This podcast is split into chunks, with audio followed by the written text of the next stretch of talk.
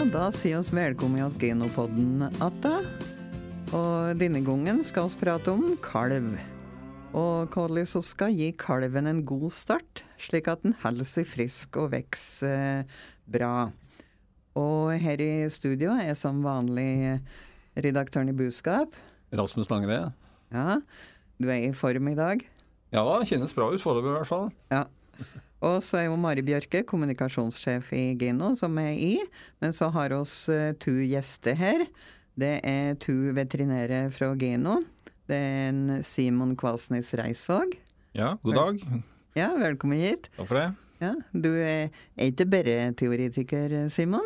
Nei, jeg liker å si at det er noe mer enn det. Men uh, vi har, uh, har vært privatpraktiserende veterinær i tidligere i karrieren, så i syv år oppe i Vesterålen har jeg jobba. Ja, og I tillegg har du ansvar for alle oksene i Geno om dagen? Ja, det har jeg. Mm. ikke bare okse, det er kvigo. Yes, ja. det stemmer. Mm. Den andre gjesten vår har podlytterne våre helst på før. Det er en Knut Ingolf Dragseth, som for tida har, er leder for Marked Norge. Velkommen, Knut Ingolf. Takk for det, ja. Og forteller jeg litt, Du har litt pjaksis, du òg? Litt pjaksis, ja. En gang var jeg dyrlege, jeg òg, ja. det begynner å bli en stund siden, men jeg har nok mine år på, på veien. Kjørt 17 år med stordyrpraksis oppe i Regnbu og Meldal. Så jeg har vært litt i tiende, og så har jeg vært i Geno her nå i snart fire år, blir det vel. Tida går fort. Ja, Og ku og kalv har vært sentrale for de hele tida, tror jeg. Ku og kalv og sø, som vi sier. Sø, ja. Det er sau, det, ja. Det er sau, det, ja. Ja, nå er det jo sånn at det er flere og flere kyr som går i løsdrift. Det betyr at de går i et fellesareal. Og for en del år siden så var det noen undersøkelser som viste at det var veldig mange kalvinger som skjedde ute i dette fellesarealet. Vet vi nå, Knut Ingolf, om dette fortsatt er et problem? Jeg tror nok at de utfordringa er der fremdeles. De fleste han har jo kalvingsbinger og, og ivrig på å bruke dem og, og ser fordelene med å bruke dem. Men så er det det med å finne ut når kua skal kalve. da. Plutselig så er jo kalven kommet, og så ligger han der i møkkrennet. Kanskje han blitt med skråpa bortover og ligger og spreller på, på resta på nedslippet, hvis det er noe rest der. Så det, det, er jo en litt dårlig start. Det er en trang start. Det, ja. Men hvis uh, du skal unngå det, hva skal gårdbrukeren se etter for å sikre at du slipper det? Det er jo noe sånn, sånn, tegn på kalving mer eller mindre sikre, og det er jo mange som ser på det at de setter hjul da, for kalving. Så er det et problem at ikke alle kyrne setter jur før kalving. Det er noen som kanskje venter til etterpå òg. Og så er det jo det med at de, de slipper ned, som vi uh, sier i Trøndelag. da. Jeg vet ikke hva dere sier på Sørlandet, Simon? Nei, det er vel så vidt det samme begrepene vi bruker der, ja. ja. Men, uh, det er klart det er mange fysiske tegn man kan se på, og så er det jo å bruke de verktøyene som finnes i form av god produksjonsplanlegging. Så har du inseminasjonsdatoen, så har du jo litt pluss og minus å gå på. Mm. Da men når, men når, bør kua settes inn i kalvingsbingen? Hvor lenge før kalving? Nei, det, det, tror jeg er store utfordringer er vel at mange har kapasitetsproblem. Altså Man har ønske og behov for å fylle fjøsen. da. Det, men hvis man kan sette den inn i Personlig ville jeg sagt hvis du kan sette den der en ukes tid før, eller, så er det jo da, da, unngår du jo de fleste av de som eventuelt kalver litt før eh, man hadde trodd eller tenkt. da. Mm.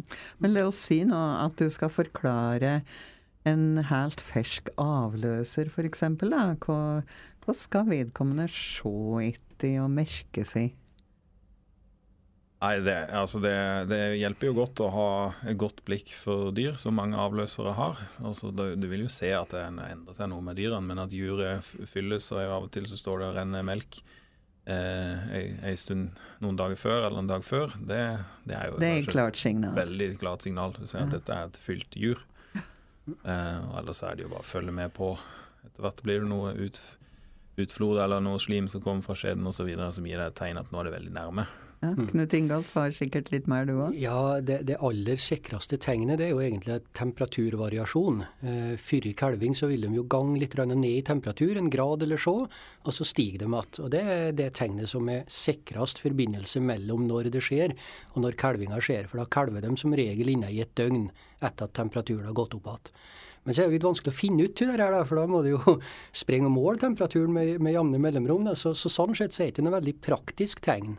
Men det har kommet noen hjelpemidler som sier at de skal overvåke temperaturen til kua. Ja. Har dere noe erfaring med hvordan det virker i praksis? Jo, vi har jo et sånt, et sånt, fransk system som, der du rett og slett pakker inn en, et termometer eh, og, og fører det inn i skjeden på kua. Så ligger det der og så måler temperaturen, og så sender det beskjed til, til mobilen din. Så når temperaturen har droppa og steget igjen, så får du beskjed på mobilen riktignok på fransk, om at nå er det kalvingen ja, i, i, et døgn. Og likeens når vannet går, eh, så blir jo denne her skjørt ut, og da får du òg beskjed på mobilen på fransk at nå må du komme deg hjem og ta, ta, vare på kalven som er i ferd med å komme til.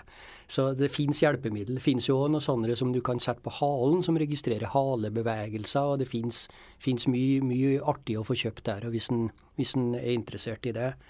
Men det jeg vil si kanskje det å følge med det at de slipper ned de scenene oppå halerota.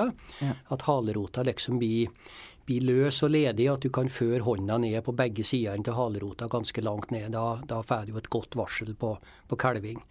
Og Hvis du da bruker det og får flytta henne over i kalvingsbingen i god tid, som en Simon var inne på, så er sjansene for at dette skal bli bra, så godt som mulig. Mm. For denne kalven når den blir født, han er jo egentlig født helt uten immunforsvar. Ja. Det er ingen overføring av immunglobuliner over eh, morkaka på, på drøvtyggere. Så de er på en måte helt naken og ubeskytta. Du kan nesten sammenligne det med en aids-pasient. Mm -hmm. Og de er helt avhengig av å få til seg råmjølk. Det er råmjølka som, som, er hele beskyttelsen for kalven når den er ung. Ja. Mm. ja, så da er jo det helt livsviktig for kalven. Som du sier, han er født helt naken i forhold til beskyttelse mot sykdommer. Og, og Simon, hvor viktig er det at kalven får råmjølk tidligst mulig?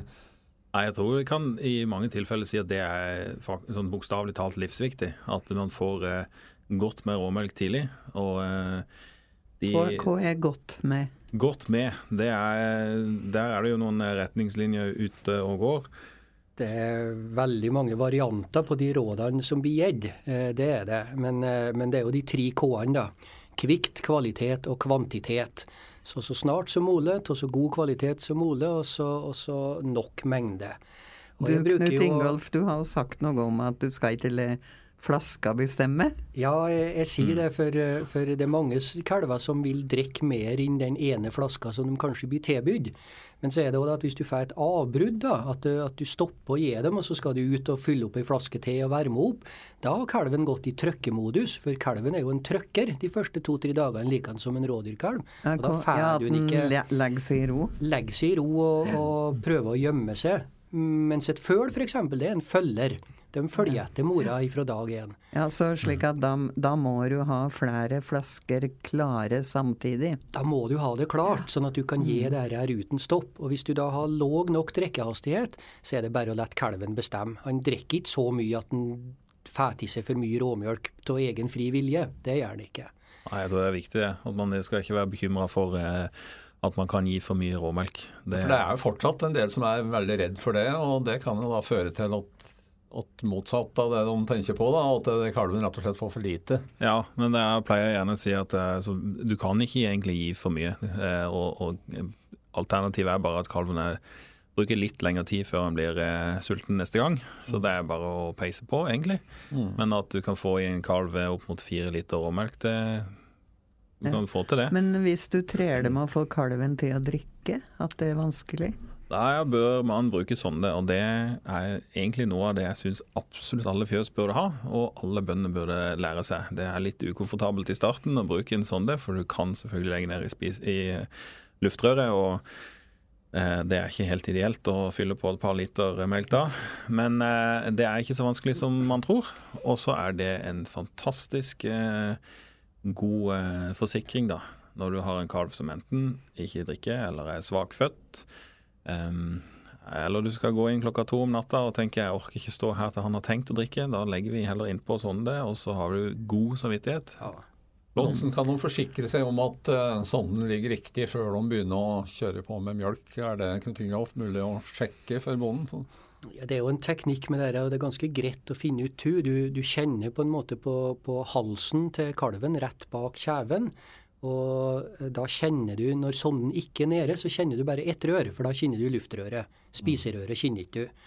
Legger du ned sonden, så kjenner du to rør hvis den ligger riktig. For da kjenner du både luftrøret og sonden som ligger i spiserøret. Så det aller viktigste en gårdbruker kan gjøre, det er å sikre at kalven får til seg råmjølk ja, fort nok og nok. Og jeg er helt enig med Simon at det å legge ned sonde er ofte større sjanse for at det blir vellykket da enn om en skal drive og søle med ei flaske og prøve å tvinge til en kalv som kanskje har en hard fødsel og er hoven i hodet og hoven i tunga og ikke får til å drikke. Da er det mye større sjanse for at det havner på lungene. Mm. Men det var jo spørsmål om kvaliteten, og åssen bør en forsikre seg om at den råmjølka han gir, da, har nok kvalitet med tanke på å gi kalven eh, antistoffer?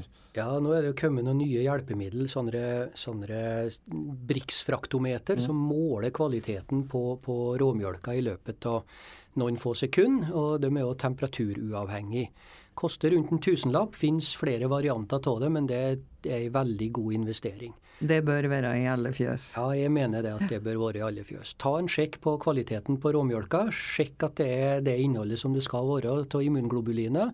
Og er det ikke det, så bør en egentlig ha et lager som er nedfrosset, mm. som en kan ta av hvis det er for dårlig kvalitet. Nå kom jeg på noe. Råmjølk. Hvor lenge er det råmjølk? Eh, hun taper seg jo ganske fort i, i, i, innhold og kvalitet.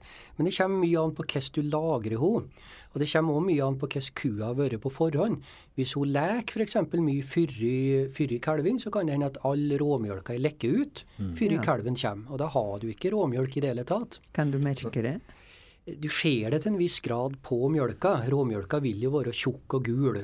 Eh, jeg gjorde en undersøkelse på det der når jeg, når jeg var i Tine eh, og målte eh, kvaliteten på, på mjølka med Brix-refraktometeret. Så fikk jeg det sendt inn til et laboratorium, og så ba jeg bonden til å vurdere kvaliteten på råmjølka rent visuelt. Mm. Eh, og da viste det seg at bonden var, var ganske god, eller de, de, i Trøndelag da, som var med på, på forsøket. Kan jo ikke generalisere for mye. De var ganske gode til å ta ut veldig dårlig råmjølk og veldig god råmjølk. Men i mettfraksjonen, kan du si, der, eh, der det òg var ganske store variasjoner, der var det vanskelig å se noe visuell forskjell på råmjølka. Så rådet er å måle? Rådet er jo mål. Men en ting til, Simon. at Det er jo også sånn at kalven greier jo ikke å ta opp altså, antistoff hvor lenge, lenge, det er. Nei, det er altså, klart. Hvor, hvor, kan du si bare litt om den utviklinga der, som går ganske fort etter kalving? Den, den uh, kvaliteten på råmelka den synker jo uh, fra første mål og utover. og samtidig eh, da synker også den uh, muligheten for å ta opp antistoffene. Den, den er jo absolutt aller størst i 24 timene. Så det er, vi, det er jo grunnen for at du skal få i mest mye råmelk på tidlig stadium for å utnytte det vinduet hvor de faktisk de immunoglobulinene blir tatt opp via tarmen og inn i blodbanen. Så har du venta eh, når du nærmer deg et døgn, så er det egentlig for seint. Så da er det bare god og kraftig melk for denne kalven, men ingen effekt av de der immunstoffene i stor grad. Så det, det, du har et døgn på deg på å gi den kalven et godt liv. Mm. Og en del kan, eh, har vel nedfrosset råmjølk hvis de trenger det òg. Mange har jo det, men uh, jeg har tenkt uh, det å ha det i en halvannen liters flaske er veldig praktisk og greit, men det tar veldig lang tid å få det her tint. Så det finnes andre sånne smarte tips som å fryse det ned i en, en brødpose eller en pose, for det er så mye lettere å tine det. Større overflate og sånt. Det gjør det enkelt for Bøndene bør gjøre det enkelt for seg, så det er lett å nappe med seg den ekstra råmelka på uh, no time. Du mm. står der som regel på et mm. tidspunkt du mm. har litt annet å gjøre. Og så mener jeg at du har sagt noe om det, Knut Ingolf, at, uh, at råmjølka bestemmer Eller første fòringa bestemmer veldig mye for kalvens evne til mjølkeproduksjon senere? Ja, det var et, et, ganske interessant forsøk fra Canada. Ganske stort forsøk. Jeg tror det var 1600 kalver som var med. Og De ble delt i to grupper. Den ene gruppa den fikk to liter råmjølk i første målet. Den andre gruppa fikk fire liter råmjølk i første målet. Ellers var de behandla likt. Eh, samme fòring, samme oppstalling, samme management. og eh, Forskjellen på de to første laktasjonene mellom de to gruppene var på rundt 2400 liter mjølk. Så de som fikk fire liter, mjølka 2400 liter mer på i løpet av de to første laktasjonene. Det er god økonomi å satse litt tidligere. Det er ikke når du har bedre timesbetaling for enn å gi god råmjølk.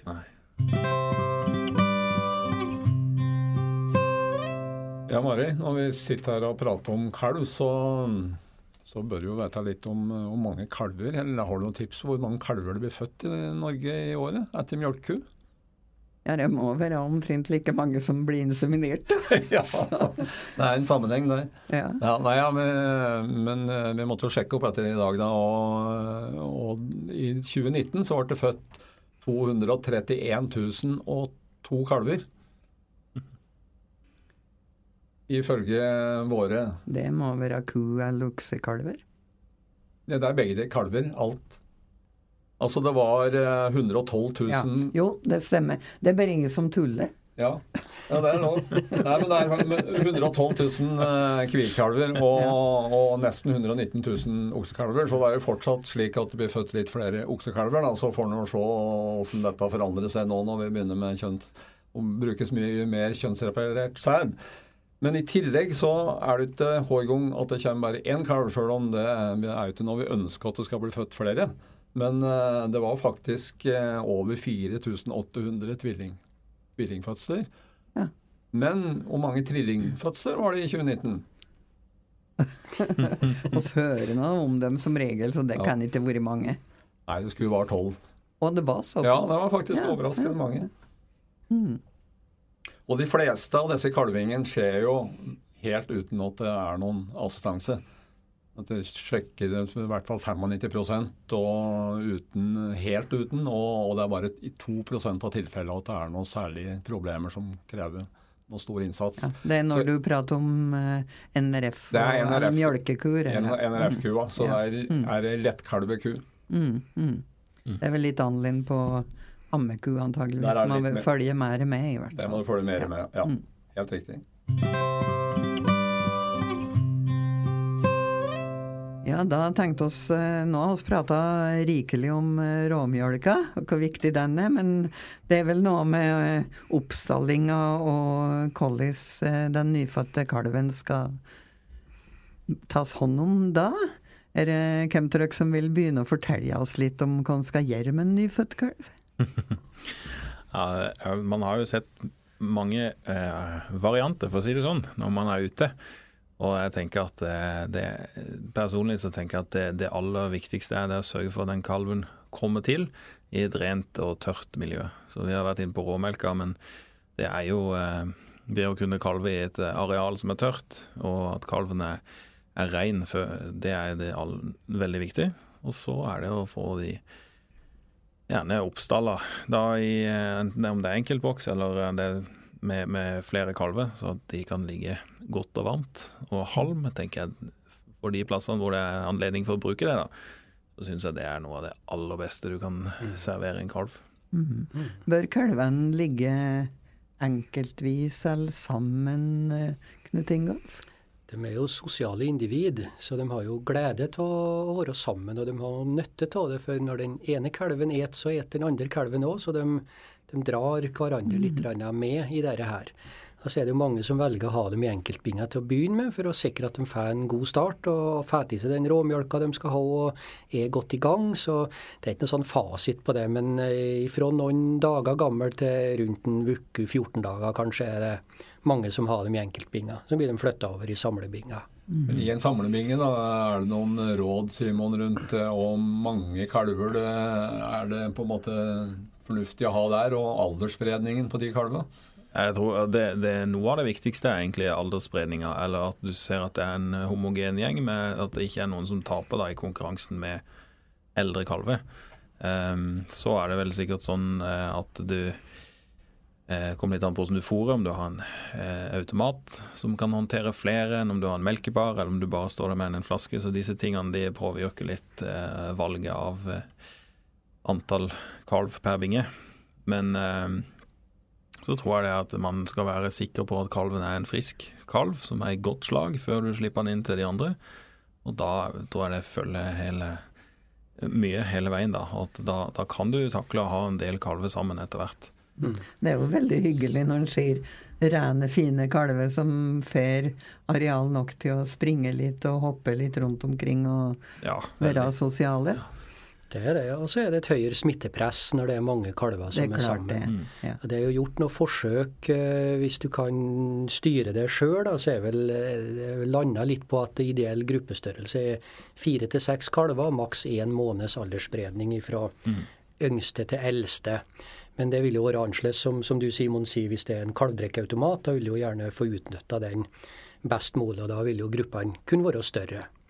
Men mjølk er én ting, men er det andre ting kalven skal ha tilgang til helt ifra dag én? Ja, han bør jo egentlig ha tilgang på fire fòrslag helt ifra dag én. Og det viktigste er jo mjølka. Det er jo den som gir næring og som sørger for vekst. Men det er òg det at en har tilgang til kraftfôr og grovfôr og vann. Friskt, godt vann. Så alle fire fôrslag bør være tilgjengelig i i hygienisk stand.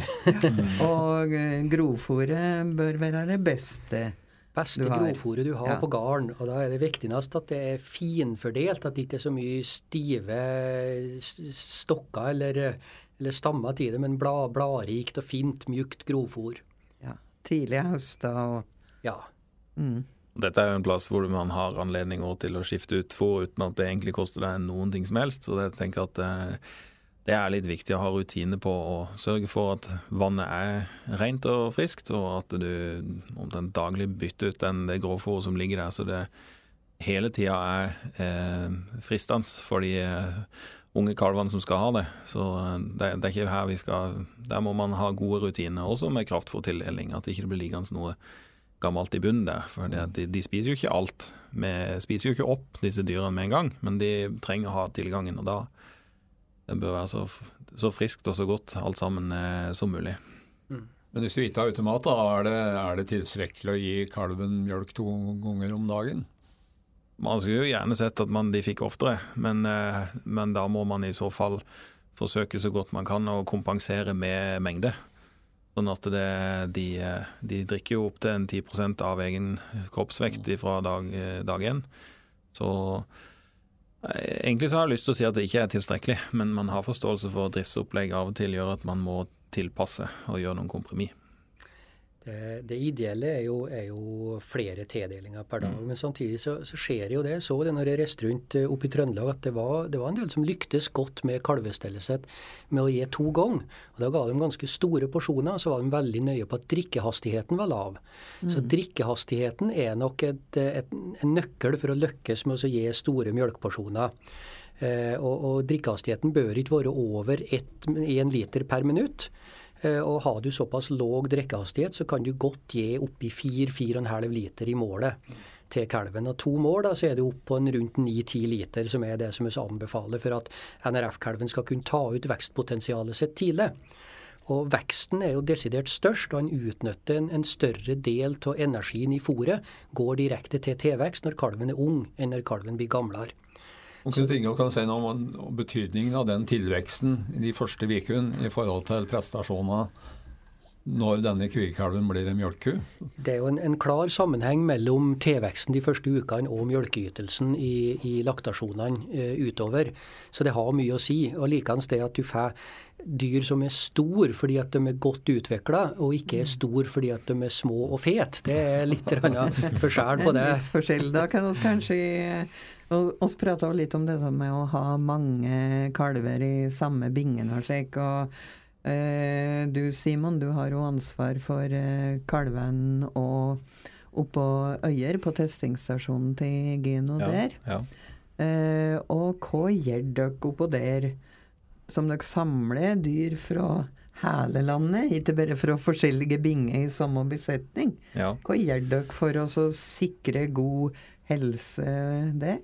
Nei, altså, Geno tar jo, som du sier, inn kalv fra hele landet, og vi tar jo, vi tar jo inn bra mange. så vi, Sånn sett så kan vi jo bli ansett som å være en oppfòringsbesetning, som mange andre um, produsenter er. Mm. Og er, da er det jo velkjent at du, smittepresset øker, og du må rett og slett gjøre noen tiltak for å i hvert fall ha det så lavt som mulig. Så først og fremst er vi jo egentlig prisgitt at de kalvene vi kjøper, har hatt en god start. At de har eh, fått en god og, og, det ser vi at de aller, aller fleste kalvene, de som vi overtar, de har hatt det bra. Mm. Så det er, det er godt å se. Det er jo veldig bra. Ja. ja, jeg mm. håper og jeg tror at det er egentlig et bilde på hva som er standarden ute i norske fjøs. Mm. Så det, det, er godt. Men når de det Er litt forskjell på, på dem som kommer inn nå, eller eh, er det jevnt over bra hele veien? Ja, jeg tror jeg kan si at det, det er jevnt over bra, men det er selvfølgelig forskjell. Men det er sjelden at vi har noen hvor vi tenker at oi, her, dette er ikke godt nok. Ja. Det, nå blir det jo um, undersøkt av lokalveterinær før de kommer, før de får lov å bli eh, henta. Men uh, det er likevel ingenting som tyder på at det, at det står veldig dårlig til der ute. Jeg vil heller si eh, kanskje tvert imot. At det, er, det har vært mye fokus på kalv de siste, siste tiåret, kanskje. Ja. Og det, det, tror jeg vi kan se. At uh, sier det, ja. Mm. mm. Men vi må prøve når vi får de til oss. Og så ikke De kommer ikke rett inn i, i den uh, hoveddyrerommet. De blir plassert for seg sjøl, eh, disse puljene som blir kjørt inn, for at vi skal eh, la de få akklimatisert seg og få redusere smittepresset på de eksisterende dyrene vi har der. Og så, så da står de gjerne fire uker for seg sjøl i, i, pulje på en eh, 20-30 stykk. Ikke sammen med bingen, vel å merke, men eh, det, det, og, og, før vi ser at ja, her, disse her er alle nå godt rusta for å komme inn i videre inn i Geno sin dyreflyt. Helt på tampen, ett godt råd fra dere hår, det beste rådet dere kan gi om kalvestell? Jeg vil, jeg vil, egentlig, selv om jeg burde sagt råmelk, så vil jeg gjerne si eh, sørg for at den kalven har det tørt og rent når den kommer til. Hva vil du si, Knut Ingolf, når Simon sagt sitt? Siden du ikke sa råmjølk da, Simon, så si noe råmjølk. Ja. Det er den viktigste enkeltfaktoren. Mm. Lykkes du ikke med det, så er det veldig veldig vanskelig å kompensere for, ja. for dårlig råmjølkstildeling i starten. Lykkes du med det, så må du likevel lykkes med alt det andre. Og det som er litt fortvila med kalvstell, er jo at det går så lang tid fra du legger ned innsatsen til du får premien. Det går jo nesten to år, før, eller ofte to år før kviga kalver, du ser hva som tegner. Og det går kanskje fem-seks år før du ser om dette var et dyr med god varighet, som òg er viktig med et godt kalvstell i, i mm. bunnen. Må ha litt langsiktige tanker når du driver med kalvestell. Det må en ha. Ja. Da skal vi eh, takke for denne gangen her. Og takke både lyttere og gjestene våre, Simon Tobias Kvalsnes Reisvåg og Knut Ingolf eh, Dragseth. Neste podkast, Rasmus, den kommer ikke før i januar, den. Nei, da skriver vi 2021, da. Ja. Men det er ikke lenge til jul. Nei da, det er ikke det. Og da skal det handle om ny teknologi og behandling av sæd, og åssen skal bruke de ulike typene ute i fjøsa, har vi tenkt. Og vi minner dere om å laste ned podkast fra apper og diverse, og spre ordet til andre, vil oss gjerne at dere hjelper oss med. Og så avslutte oss med å krysse fingrene for Friske kalver med god tilvekst og masse råmjølk fort nå i vintermåneden. Ha god jul, ikke hardt.